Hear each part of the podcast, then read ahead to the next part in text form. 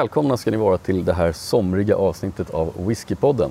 Och som ni kan se så är det inte doktorn som sitter bredvid mig här, eh, utan däremot en annan mycket trevlig person. Idag ska vi prata om Kärdalen Beer and Whisky och med mig har jag Peter från just Kärdalen. Välkommen Peter! Tack så mycket! Eh, Kärdalen för mig, det är kanske inte ett namn som är ett hushållsnamn för eh, gemene man på gatan. Eh, och Därför så tänkte jag att vi skulle börja med att du ska få berätta lite grann. Vad är Kärdalen? Ja, Kärdalen är först och främst en eh, oberoende buteljerare. Vi startade företaget 2015 efter att eh, det är Anders Wink och jag och två grannar som eh, har provat whisky under flera år. Så vi startade det här 2015, tyckte att det var en rolig grej. Eh, kom igång för ungefär tre år sedan och då fick vi hem våra första buteljeringar. Det var aldrig någon tanke på att, att det här skulle bli någon stor grej, att vi skulle tjäna pengar, utan vi vill bara göra en rolig grej. Mm. Eh, sen har det, jo, det har gått, gått riktigt bra. Eh, mycket säkert på grund av att, att det var bara en rolig grej så att säga. Inga ja. andra större krav på oss. Så det är inte så konstigt heller att, att, att ingen vet vilka vi är. Eh, så först och främst oberoende buteljerare. Eh, vi har vid dagsdatum eh, kanske en 13-14 som vi har tagit hem här mm. till Sverige och har buteljerat. Alltså 13-14 but olika, olika fat? Ja, från olika fat. Mm. Precis. Mm. Och det, 2015 säger du att ni, ni startade, det här är inte länge sedan.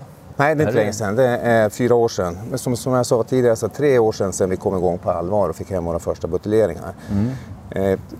I och med att när vi startade det här så hade vi egentligen en del andra tankar runt det här men det, det slutade med att, att vi fick ta hem de här buteljeringarna och bli oberoende buteljerare. Men samtidigt har vi då haft kontakt med bland annat ett destilleri i Skottland som nu också är importör och distributör i Sverige. Ja, ja, för, ni agerar distributör det, också för, för vissa produkter? Precis, så att mm. har, och jag har tagit ett steg till så att säga. Mm. Sen har vi också i, i samma anda experimenterat lite grann med slutlagringar i vårt eget lager i, i Yttersjö utanför Umeå. Då. Mm. Eh, och, eh, där vi har bland annat, ja, vi har tre stycken buteljeringar från, från de slutlagringarna. Och sen nu i höstas, alltså 2018 på hösten, så tog vi ett steg till då där vi, där vi har eh, utifrån våra önskemål och det recept som vi har på, på råsprit så har ett destilleri i Arboga, ett nytt, nystartat destilleri i Arboga, bränt, bränt våran sprit så att säga. du vill inte säga vilket destilleri? Ja, det kan jag säga. Det är Agitator. Ja, vi, vi, vi misstänkte nog det, vi, ja. som, vi som vet var destillerierna ligger, men jag tänkte om det Precis. var några hemligheter här. Ja, nej, nej, absolut inga hemligheter. Tvärtom, de, de är väl, nu kommer jag lite från ämnet i och för sig, men de, de eh, har ju inga hemligheter för sig. Nej. Eh, så det har inte vi heller, det finns ingen anledning att ha det.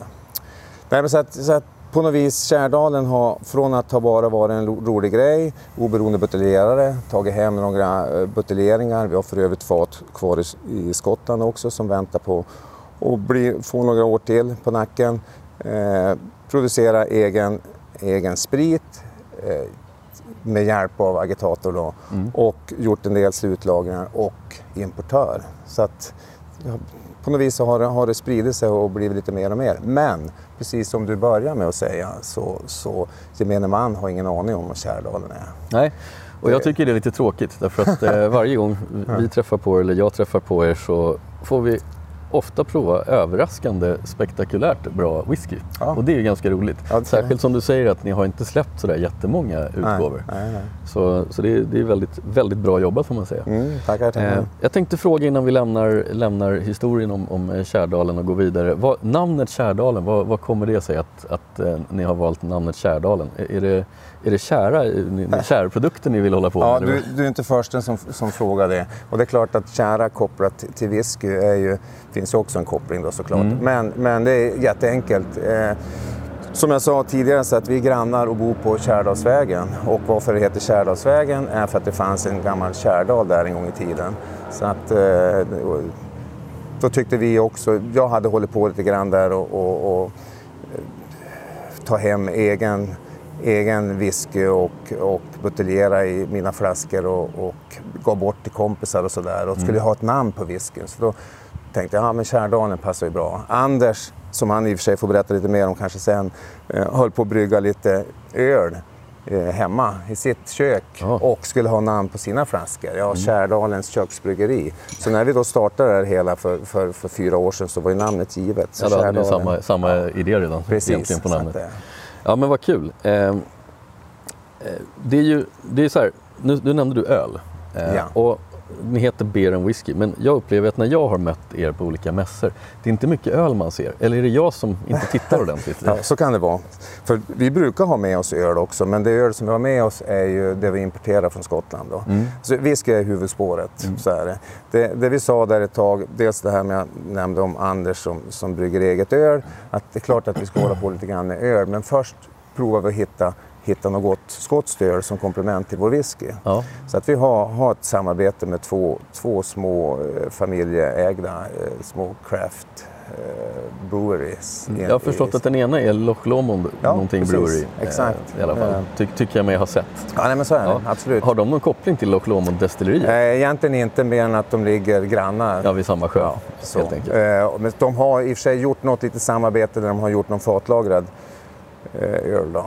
Mm. Men in, in, ingenting annat. Nej. Spännande. Eh, och det du beskriver här det är ju att ni köper, ni köper whisky från Skottland, eller köper fat från Skottland. Ja. Eh, och, och, då är ju ni, som jag förstår det, här som kallas för oberoende buteljerare. Ja, precis. Eh, det vill säga, vi har ju här framför oss några exempel på whisky där mm. på några så står det ju något destillerinamn. Här står det Kregellachi, men här, här står det bara Distilled at an Orkney Distillery mm. och så vidare. Eh, det betyder egentligen då att ni gör ingen egen whisky mer än det här du pratar om mm. samarbetet med, med Agitator. Då. Så utöver ja. det så det är inte det ni håller på med, ni gör inte whisky. Nej, vi gör inte whisky. Nej. Eller åtminstone inte destillerar den eh, primärt. Nej, okej. Okay.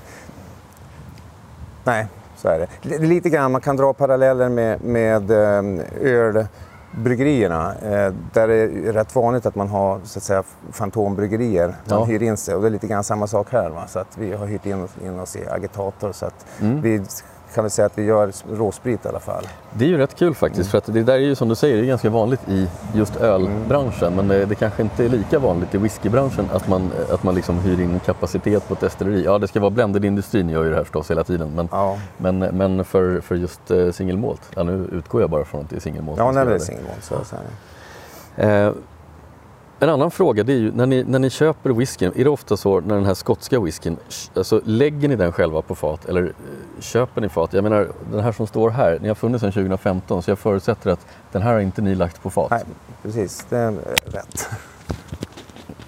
Ska vi se, slänger jag mickar omkring mig här. Um, utan hur går det till då? Det, det ni, ni, går ni bara in där och så säger ni det där fatet vill jag ha? Eller hur, hur fungerar det här? Ja, det hade varit häftigt om det vore så. Ja.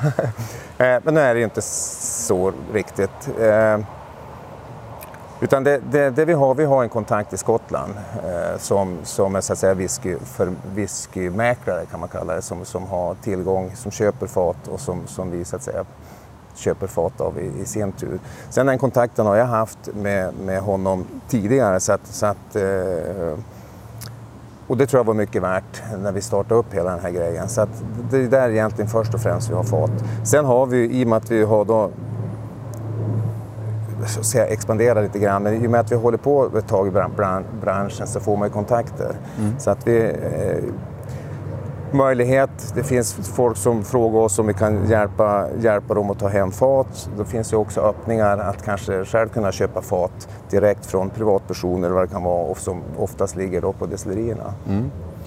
Ja, det är spännande. Det låter inte helt lätt det här, det här sättet att göra affärer på. Nej, det, det, det, det lät lätt när vi satt och pratade om det här 2015 och skulle starta. Då tyckte vi det här var en bra idé, men, men så är det ju inte. Utan det, det är lite eh, lite knepigt och framförallt så krävs det att man har kontakter. Mm. Och som jag nämnde tidigare där så har vi dessutom kontakt med, med jag kan säga destilleriet Glasgow Distillery mm. som då importerade både deras gin och deras deras whisky nu och där finns ju också möjligheter. De i sin tur har kontakter. Så, att, ja. så att det är lite grann det, det som det är kontakter, kontakter. Ja. Det, det, ibland kan det kanske till och med vara en slump att man, att man snubblar på ett fat som är till salu som, Absolut. Som är det är precis det det, det, det handlar om. Ja, vad spännande. Lite, lite flyt. Ja, alltså, det, lite flyt måste man ha. Ja. Ja, vi har ju också buteljerat en whisky i alla fall ja. eh, förra sommaren här. Eh, kanske jag skulle tagit med mig, den hade varit fin att, att faktiskt eh, bjuda på men det, det tänkte jag förstås inte på. Det får bli ett annat tillfälle. Eh, jag tänkte att vi skulle gå in och titta lite grann vad, vad ni har tagit med er som står på bordet här. För här hade vi till att börja med då en Kragellachy och då står det Rare Cask Series. Ja. Sen hade vi, och det här är ett destilleri som jag känner igen. Mm. Sen har vi ju då en Whisky Terroir Series eh, som det bara står Distilled at an Orkney Distillery, vilket ju för mig då antyder att det är ett av de två Orkney-destillerierna som det här kommer ifrån, som ju då är Scapa eller Highland Park. Mm. Men det står inte på flaskan och vi ska återkomma till det. Eh, och sen har vi en Kärdalen Rum Cask Finish, en Cask Finish Series. Och den här står inte heller vad det är va? Nej, Nej utan den här står också det. bara, den står Kärdalen då istället på ja. den här. Eh, berätta lite grann, varför, varför får de här inte ha sina destilleriers namn? Ja, eh, det skulle kunna vara att, att vi vill att det ska vara lite hemligt och mm. mystiskt, men så är det ju egentligen inte. Eh, de här faten som, som jag pratade om som vi då köper, i vissa fall så är det inga problem, då får vi skriva det på etiketten. Mm. Eh, från vissa destillerier så, där de har släppt sina fat om någon anledning då, så, så vill de inte att man ska skriva på det, men det är kanske är helt okej okay att berätta det. Mm. Eh, och vissa fat får vi inte ens reda på i första läget. Vad det är? Alltså vad det är. Nej, de vet bara att det är gott. Ja, ja precis. och det vi har gjort, nu var jag inte inne på det, men, men jag kan ta det nu. När vi provar våra fat då, i Skottland så, så vill vi ju helst inte veta från vilket destilleri det är. Kanske egentligen inte ens veta vad det är för fat överhuvudtaget, utan bara prova. Om vi provar 20 stycken så, så ja, det, det är lätt att man blir påverkad av från vilket destilleri det är. Så att jag håller helt med. Och även vilken, vilken typ av fat det är, eller hur länge, hur ofta fatet är använt. Mm. Det, det, är lätt att få, få förutfattade, även när det gäller whisky. Mm, som kan eh, påverka intrycket av smaken? Ja, absolut. Så att det vi gör, vi provar dem blint eh, och sen valt ut, och vi säger väljer två, två fat av 20 och sen ja, då råkar det vara ett Orkney eller råkar vara ett Craig eller vad det nu kan vara. Mm. Men sen är det då, när vi ska då marknadsföra dem hemma eller sätta, framförallt ha en etikett på de här, då måste vi skriva någonting. Och som jag sa tidigare då, så att vissa destillerier, inga problem, då skriver vi ut det. Mm. Eh, I det här fallet då, den här Orkneyn, då är det dessutom så att eh, här får vi inte reda på från vilket destilleri. Som du sa, Highland Park är ett skapa, ja visst. Ja. det kanske man... man då kan gissa utifrån stilen på den. Men det behöver inte betyda att man har rätt. Exakt. Nej. Vi har nog gissat. Jag är tveksam till, till vad det kan vara. Egentligen så spelar det ingen roll. Nej. Det, så är det. Men, men det är anledningen till att vi bara, och dessutom att vi kallar det terror-serie så att säga. Mm. Att från vilket, det ska vara vilket... representativt för, för området så att ja, säga. Precis, så ja. nu är ju det där en, en ö bara, men det är ju i, i, det hade ju kunnat stått Islands eller någonting i och med att det tillhör ju då. Ja. Den, jag tänkte vara så fräck så jag börjar faktiskt hälla upp lite ja. av de här så ska vi, så ska vi se vad som gömmer sig bakom. Jag trodde aldrig jag skulle fråga. Nej, precis. Och nu kommer solen här också. Får hoppas att... Eh... Medan du häller upp, då kan jag berätta om den här då, som, ja, som du pratade om. Där det bara står Kärdalen Romcask Finish. Mm. Och där är det så här att, att eh, vi har ju en whisky, som i det här fallet då är nio år, eh, som vi har valt att göra lite, en liten finish. Mm. Och framförallt, det var inget fel på whiskyn innan, men framförallt så var vi lite spänd på att se vad, vad en slutlagring skulle kunna göra. Mm. Och vi köpte något fat här i Sverige då från Torslund. Eh, egentligen den enda tunn, tunnbindaren i Sverige. Samma som levererar till High Coast bland annat. Precis. Mm. Och då ett romfat, 50 liters romfat. Flyttade över då den här whiskyn som vi då naturligtvis vet vad det var, flyttade över till det här romfatet. Men då är det så här att vi får absolut inte avslöja från, från eh, vilket destilleri eh, ursprungsfisken kommer ifrån. Nej. Och då blev det helt enkelt bara en, en, en Kärdalen single malt. Ja men det är ganska roligt. Ja. Det är, det är nästan, nästan som en egen whisky då faktiskt. Ja. Kan man säga. Åtminstone har vi varit med och påverkat slutresultatet. Ja exakt. Så, så är det.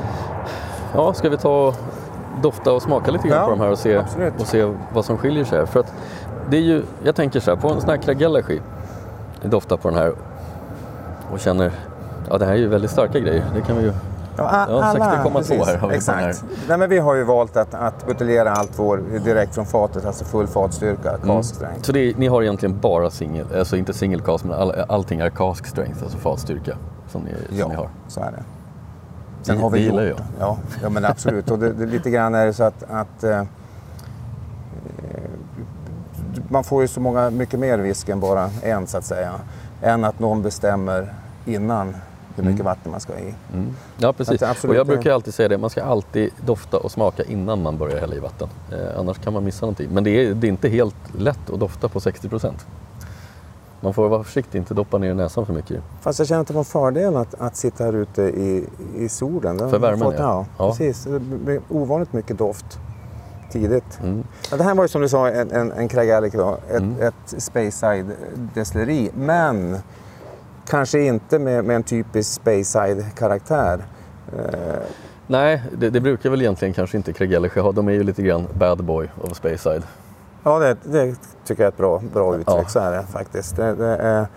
Ändå tycker jag den här, den, i doften känns den ju väldigt grant. Jag måste faktiskt prova och se. Ja, det legat på ett, ett sherry hogshead, men det är använt tidigare. Så att ett refill sherry mm. hogshead. Mm. Det är klart det blir bra tryck av eh, av, av själva alkoholstyrkan men, men eh, vilken skön, nästan lite gräsig örtighet i den här jämfört med en vanlig Kragalashi tycker jag. Och så har den ju bra sherrytoner och den här var väldigt trevlig. Tycker jag saknar lite grann av de här svaveldieseltonerna som finns i... jag menar, vet inte hur många gånger har inte jag provat den här men, men eh, det är lite grann som att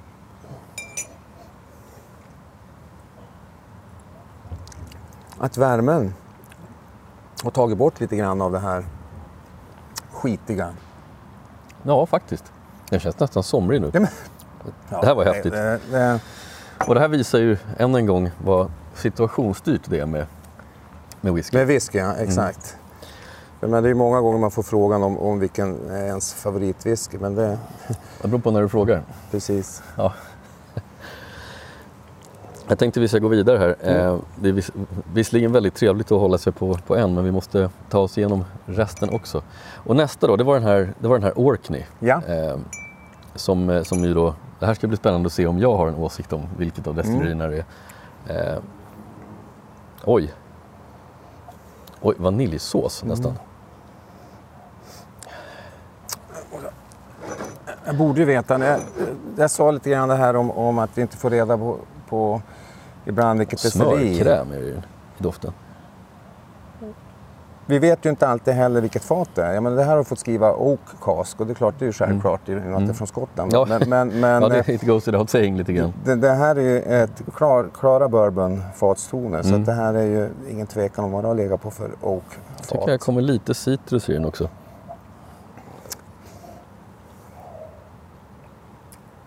Och det är mycket vaniljtoner i den här.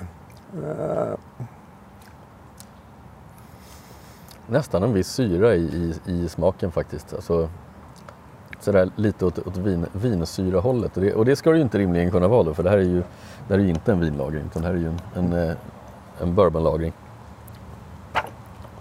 Men ganska oljig. Ja, ganska, ganska liten skön bitter twist på slutet som kommer också, den gillar jag. Och den här var tio år då den här. Och, och nio år? Nio år var den här. Mm. Och den här var, den var äldre, den var, den var tio eller elva år då den här den Kregalaskin. Den en vecka från 12 tror jag det var. Ja, en vecka från 12 till och med. Sen är det lite grann det här som jag också var inne på att, att, att vi provar och vill inte veta så jättemycket. Det är inte alltid det spelar någon stor roll om det är 8 år eller 12 Nej, år. Jag börjar känna också att jag bryr mig inte längre så mycket om vilket av destillerierna det är. Eh, det, det, känns lite sekundärt. Det, en, det, det är en spännande kul utgåva som, som inte var vad jag förväntade mig. Jag tycker inte att den känns jättestiltypisk för någon av destillerierna. Nej. Men icke desto mindre, den har mycket karaktär och, och, och känns ju som en, en, en lättsammare öwhisky som, som mycket väl skulle kunna vara från Orkney. Så äh, det är kul. Um, mm. Nu är man ju förstås lite spänd då på den här Kärdalen, den sista. Mm. Vad, och, och, du sa nu att här, själva spriten här, den, den, kommer inte från er utan det är en finish som kommer från er. Så man har alltså ja. hällt över det här i ett, i ett fat för slutlagring. Ja. Uh, och hur länge hade den legat? Det... Den har legat... Det, hade, det sa du säkert. Eh, ja, jag är inte säker jag sa det. Men den har ja, legat... Det är 40 liters fat där också. Ja, det, precis. Ett 40, jag kanske sa 50 tidigare, men ett 40 liters fat. Mm. Eh, det, tio år har legat på, på ett, eh, ett, ett bourbonfat. Mm. Och sen tio månader ungefär på ett romfat. Ja. Spännande. Då ska, vi, då ska vi dofta mer och smaka på den här tycker jag. Jag undrar om det är jag som har odiskade glas eller om den här faktiskt har lite småpartiklar i sig. Den här är väl ofiltrerad också? Ja, de är helt ja. ofiltrerade. Och det kan, dels så var det det, det så att säga grunden var, var det, plus att det fat som vi hade var också en del i. Så det kan mycket väl ha blivit. Ja. Ja, det, kan, det kan vara glasen också. Vi ska, inte gå, vi ska inte gå ed på det. Det som är fördelen är mycket alkoholstyrka så det är inga större, större risk med bakterier. Mm. Den här är väldigt mycket smak. Det får man ju säga. Romfinishen har ju verkligen jobbat i den här men, men det är klart det är ett 40 liters fat så att det här borde ju ge ganska stort avtryck på kort tid också. Det blir en, det blir en ganska påtaglig finish. Sen är det, det är spännande med, med, spännande med whisky överhuvudtaget men, men eh, de här finisherna vi har gjort, vi har gjort en sherry finish som för övrigt vann i, i Uppsala då i, det, i februari. Mm. Eh, och eh, där var det sådär så att, att eh, första, första veckorna så var vi oerhört besvikna på, på vad som bara hände. Jag tänkte nu har vi förstört en, en bra whisky. Eh, så att det, det tar ett tag och det är det som är fördelen med att ha det, ha det nära. Man kan prova, så ser man prova varje dag, men man kan prova i alla fall två gånger i månaden. Mm. För, för, att det går ju oerhört fort i de här små faten. Mm. På gott och ont. Jag skulle gärna fortsätta prova vidare på de här. Men vi måste faktiskt gå vidare lite grann i programmet mm. och vi ska låta Anders komma in eh, nu när vi har suttit här och haft det trevligt en stund. Så jag säger tack så länge Peter mm. och eh, på återseende så ska vi ta en liten tack paus och släppa in Anders i programmet. Toppen.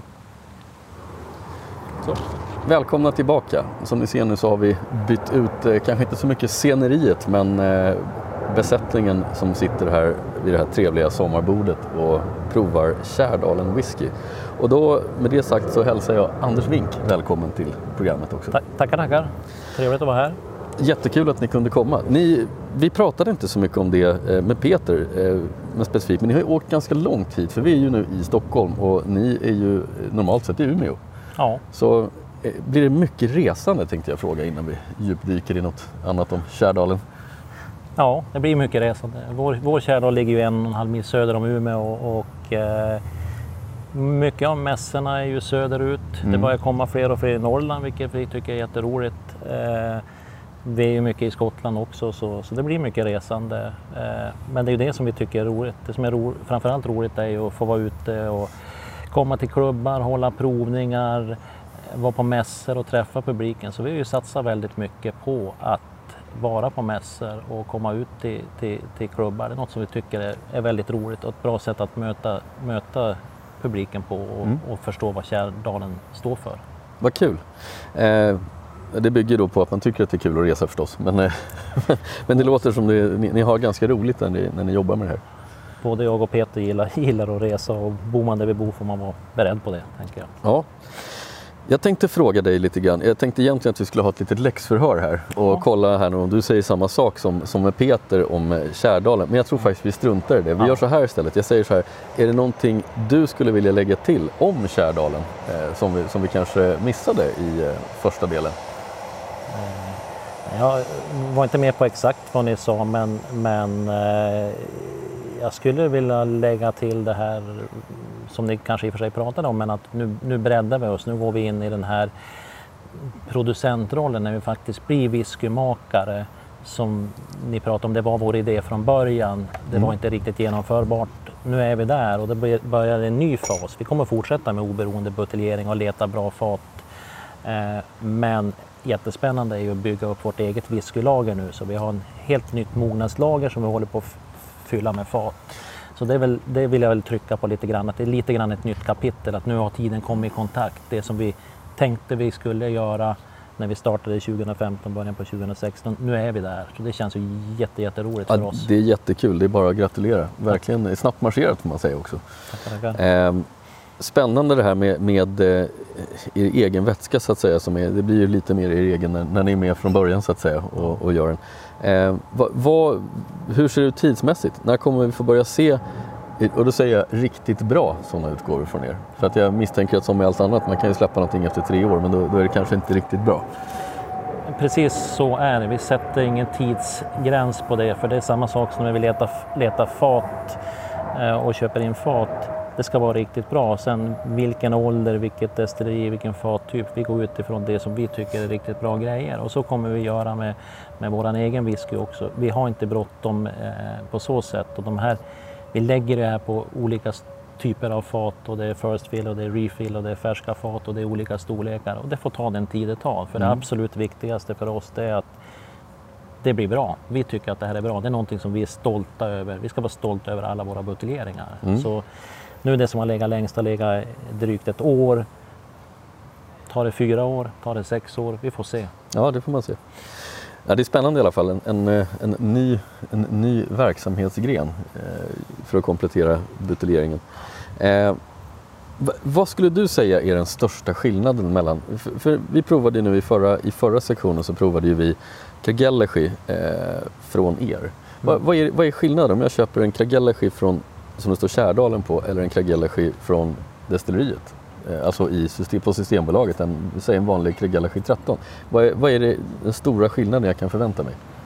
Ja, det är väl just att våran är från ett unikt fat och vi har inte lagt fokus på att det är en Kregelike eller vi, tyck, vi tycker om liksom whiskyn då så att eh, vi skulle inte ens behöva, även om vi får göra, skriva ut Kregelike på etiketten. Vi tycker bara att det här är bra. Sen, sen råkar vi gilla det mesta just av Kregelike men egentligen så lägger vi inget fokus på eh, destilleriet. Det är väl att sen är det väl att det är på full, full fatstyrka och mm. specifikt just, just för det fatet och det är någonting med det här fatet som vi har fastnat för och valt ut.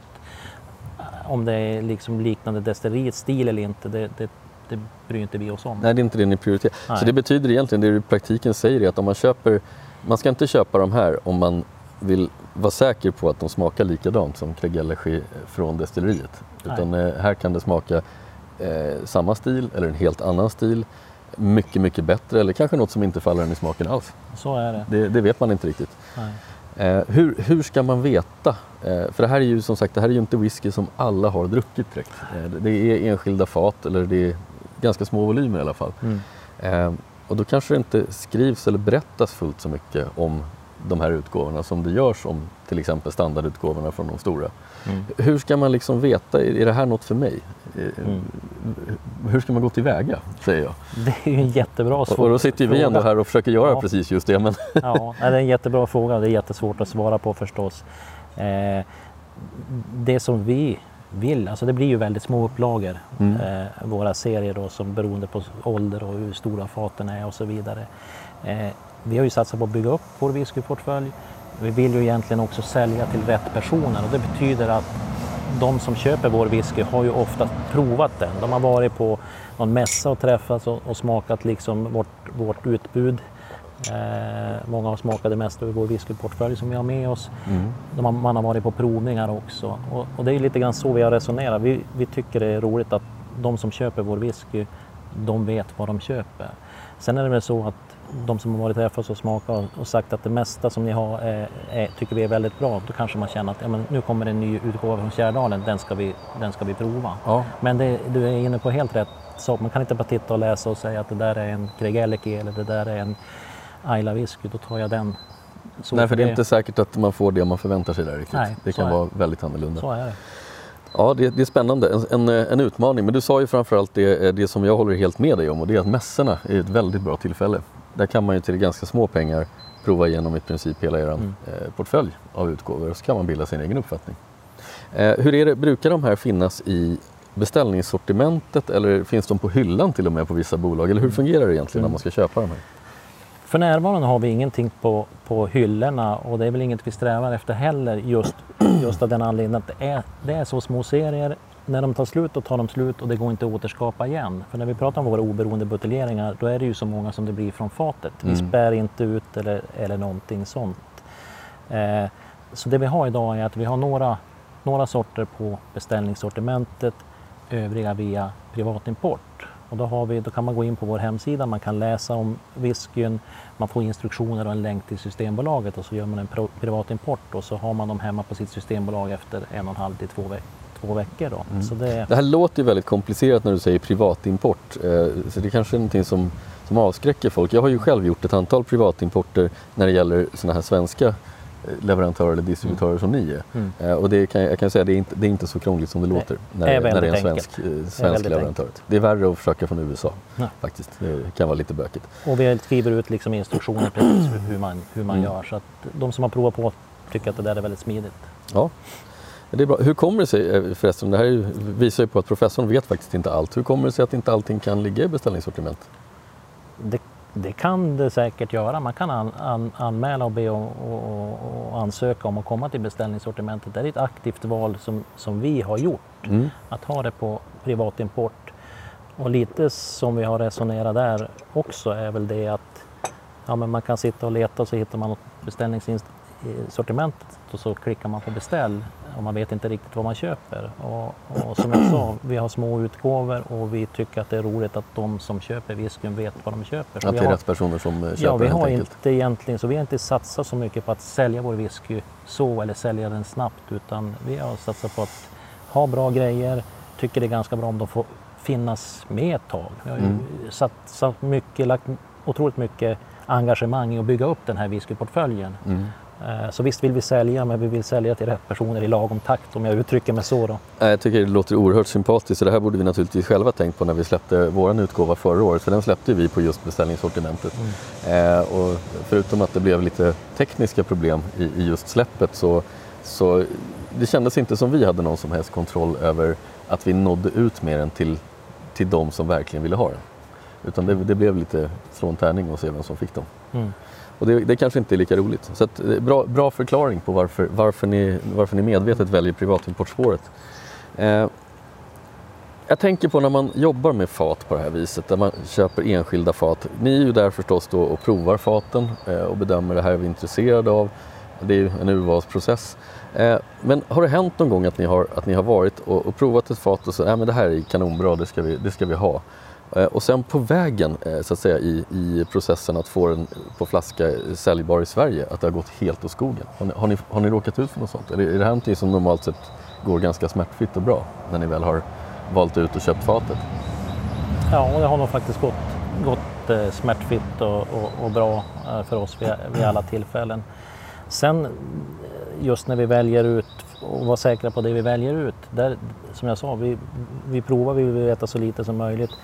Hittar vi någonting eh, ur fatet så tar vi gärna med oss ett smakprov, åker hem till hotellet, vrider och vänder på det, provar i lugn och ro, mm. är tillbaka och bestämmer oss. Så det är inte, inte så ofta som vi verkligen bara tar ett prov ur fatet och så ja, det ska vi ha, utan, utan eh, försöka att eh, verkligen utvärdera det och verkligen vara säkra på att det här, det här tycker vi, det här vill vi ha. Mm. Ja, det är spännande. Vad heter det?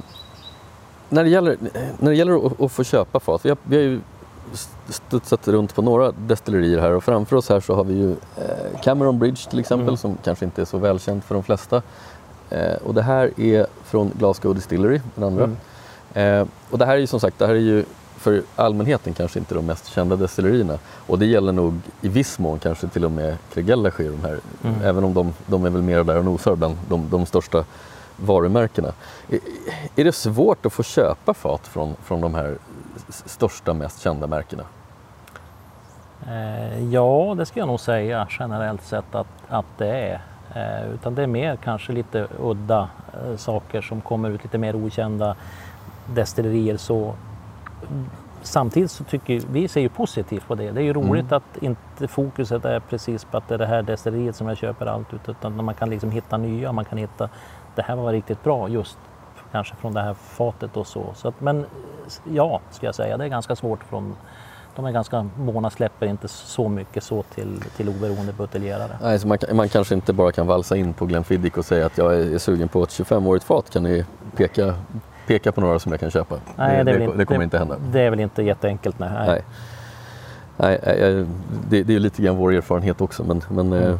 Men det har väl också som Peter sa att göra med, med eh, hur omfattande kontaktnät man har i viss mån så, eh, också. Så är det. Det tar ju tid att bygga upp ett kontaktnät och lära känna och, och, och eh, folk och, och få ömsesidigt förtroende för varandra också. Ja, och det är ju imponerande på bara, på bara fyra år som ni har funnits att, att ha ett fungerande kontaktnät kring det här. Det är, det är ganska imponerande skulle jag hävda. Tack, tack.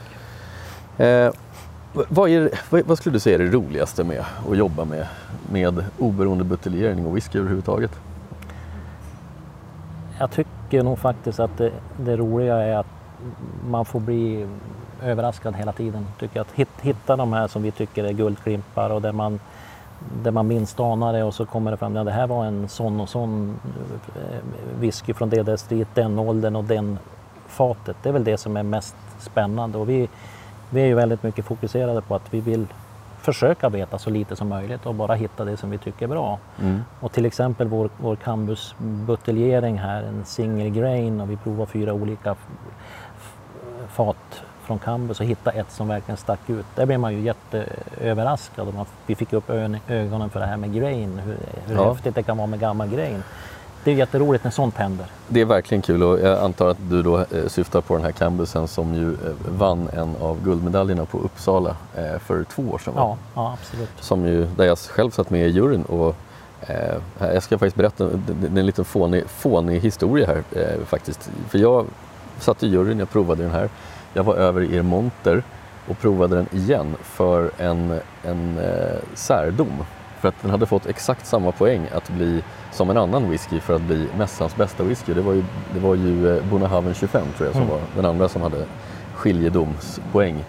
Eh, och vi, vi, ville ju, vi kände ju det, det här är, det här är ju faktiskt eh, nog min personliga favorit, den här Cambus. Men jag måste ändå, jag måste ändå försöka vara i domarrollen och, och inte favorisera utifrån vad jag tycker är gott utan försöka titta på helheten. Så nu vann den i en annan klass då, det var ju, det var ju eh, Whisky Open. Ja, Open-klassen ja. Eh, men, men och, och det, det, märkliga här då var att trots att det här var en whisky som var bland det bästa jag har druckit på, på mycket, mycket länge eh, så köpte jag inte en flaska.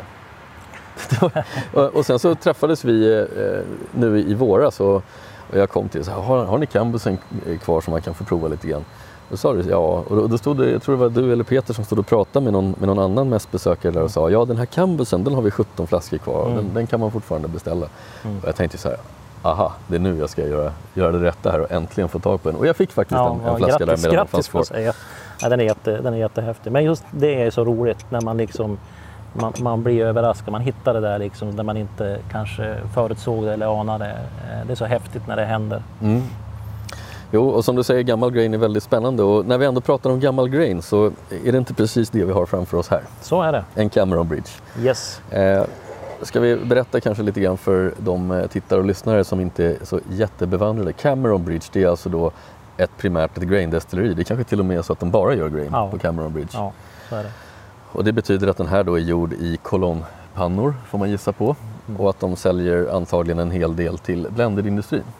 För att det är det man brukar leva på som, mm. som grain-destilleri. Ja. Men vissa fat eh, lagras länge och läggs undan på samma sätt som single malt. Ja. Och Blir, man producerar så stora mängder och vissa fat blir, blir liggande och ja, kanske glöms bort lite grann. För normalt ja. har man ju grejen väldigt ung. Ja, precis.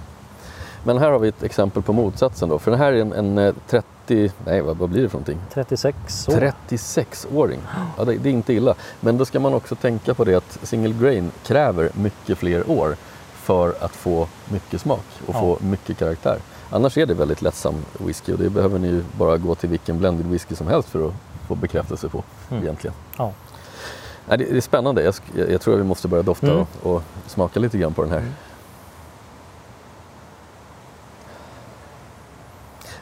Jag märker direkt att eh, den här styrkan, nu är den här visserligen bara 53,8 men den här styrkan den känns mer i en grain än i en, mm. en malt.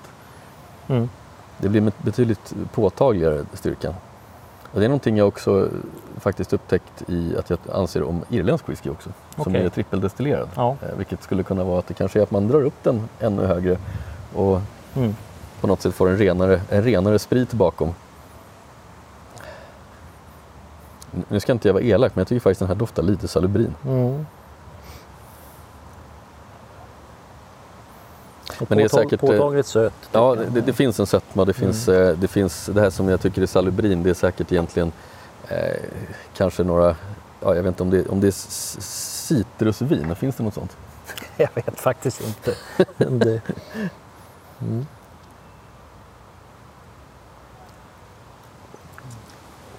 Mm. Nog märkt att det, att det, är, gammal, att det är gammal grain. Mm. Eh, det, här är, det här är ju magin med en 36 år gammal grain. Den kan ju, vara, den kan ju bli förstörd av träet såklart. För efter 36 år så ja, har man otur så har fatet eh, nästan förstört ja. whiskyn.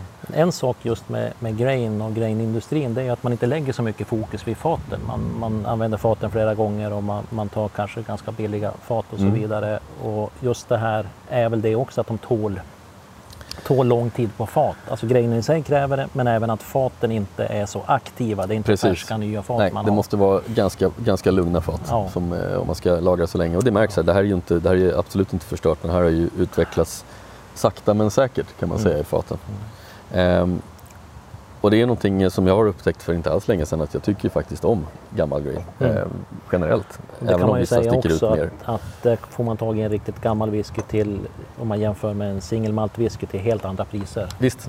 Eh, vad, är, vad är priset på den här då? Nu är det här en, en liten flaska va? Ja, men, eh, och den kanske, men den finns att köpa fortfarande? Den, här. den där är nog på vippen till slut ja. i alla fall. Men om man skulle ta som slut. prisexempel då, vad ja, kostar den 36 knappt, år? Knappt knappt 1000 kronor, 995 och sånt. Ja, det motsvarar då under 2000 för en hel flaska.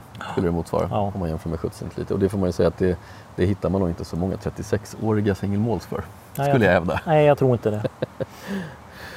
Spännande. Ska vi gå vidare till nummer två? Det här är någonting helt annat som, som ni har tagit med. För det här, är, ja. här står det ju väldigt klart och tydligt att det är eh, Glasgow Distillery och det här ser ju betydligt mer kommersiellt och eget ut. Så jag misstänker yes. då att det här inte eran utgåva utan det här är ni distributör för? Precis, stämmer bra. Vi har ju haft ett samarbete med Glasgow Distillery sedan 2015 där de, där de hade startat upp och egentligen destillerat eh, sin första sprit, satsat på eh, gin eh, också. Eh, och kom överens om att vi skulle vi, det var att kemi uppstod om man säger så och vi skulle mm. ha ett samarbete tillsammans. Vi visste ju att det var flera år bort innan det fanns en färdig whisky. Men vi gillade det de stod för, hur de jobbade och framförallt gillar vi deras råsprit mm. riktigt skarpt. De har mm. både ett rökigt och ett orökigt recept. Mm. Eh, och nu då lagom till, till eh, hösten 2018 kom man med sin first release i väldigt, väldigt liten upplaga. Treårig whisky. Eh, legat två och ett halvt år på First Field Bourbon och ungefär ett halvt år på ny amerikansk ek. Mm. Eh, nu har man kommit med en 2019-release där man har använt samma recept men gjort det i betydligt större upplaga. Så det här är någonting som vi har lanserat på Systembolaget nu då eh, den fem, 15 maj kom det. Mm. På beställningssortimentet. Spännande. Och den här då, det är, här ska vi nog inte förvänta oss samma stil eller typ av whisky som vi har provat hittills utan det här är ju betydligt yngre saker. Ja absolut, det här är, det här är runt tre år, mm. drygt tre år. Alltså. Det är jättespännande. Mm. Vi tar och doftar på den. Ja. Hoppas, hoppas, inte jag har växlat mina glas nu men det, det lär jag väl bli varse om. Ja det tror jag inte. Då. Jo det tror jag. Jaha. Nu ska vi se. Nu blir jag väldigt osäker här. Eh, får jag dofta på din? Ja, absolut.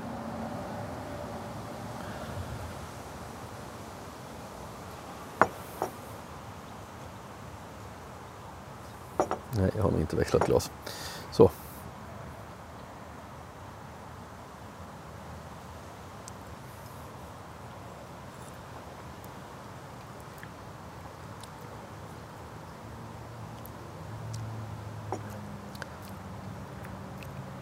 Mm. Det, det, märks att den är ung men inte, men inte att den är tokung. Faktiskt.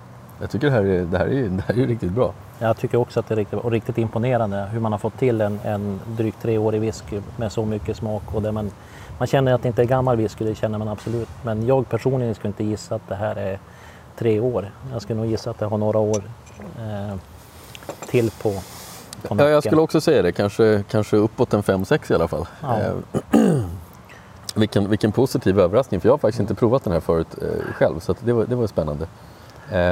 Eh, det stämmer nog inte förresten för jag tror jag provade den i Göteborg. Men, mm. jag, minns den faktiskt inte därifrån. Ja. Eh, det är kul när man blir överraskad två gånger av någonting. Mm. Ja. När, när jag inte slutar, slutar imponera så att säga. Nej, Nej, det är ju väldigt kul och det ska bli spännande att följa framtiden med det här destilleriet tillsammans med er. För det är ju, mm. det är ju ni som tar den här till Sverige då.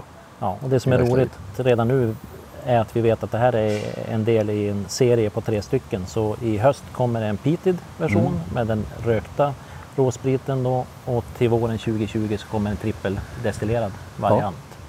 Så att det, blir, det blir jättespännande och det lo, lovar väldigt gott ty, tycker vi. Det håller jag med om. Eh, min vän, det här programmet börjar få slut på en annan sak och det är tid. Jaha. Vi eh, måste börja avrunda och det har varit jättetrevligt att ha er här. Såklart. Eh, det gör vi gärna om igen. Ja, vi tackar för att vi fick komma och fick vara med. Så, så önskar vi er stort lycka till. Tack för er medverkan och glöm inte att titta upp Kärdalen på mässor och även på internet kan man säga. Kärdalen.se då med AE. Stämmer bra. Så tackar vi för denna gång i sommarvärmen så ses vi snart igen. Tack, tack.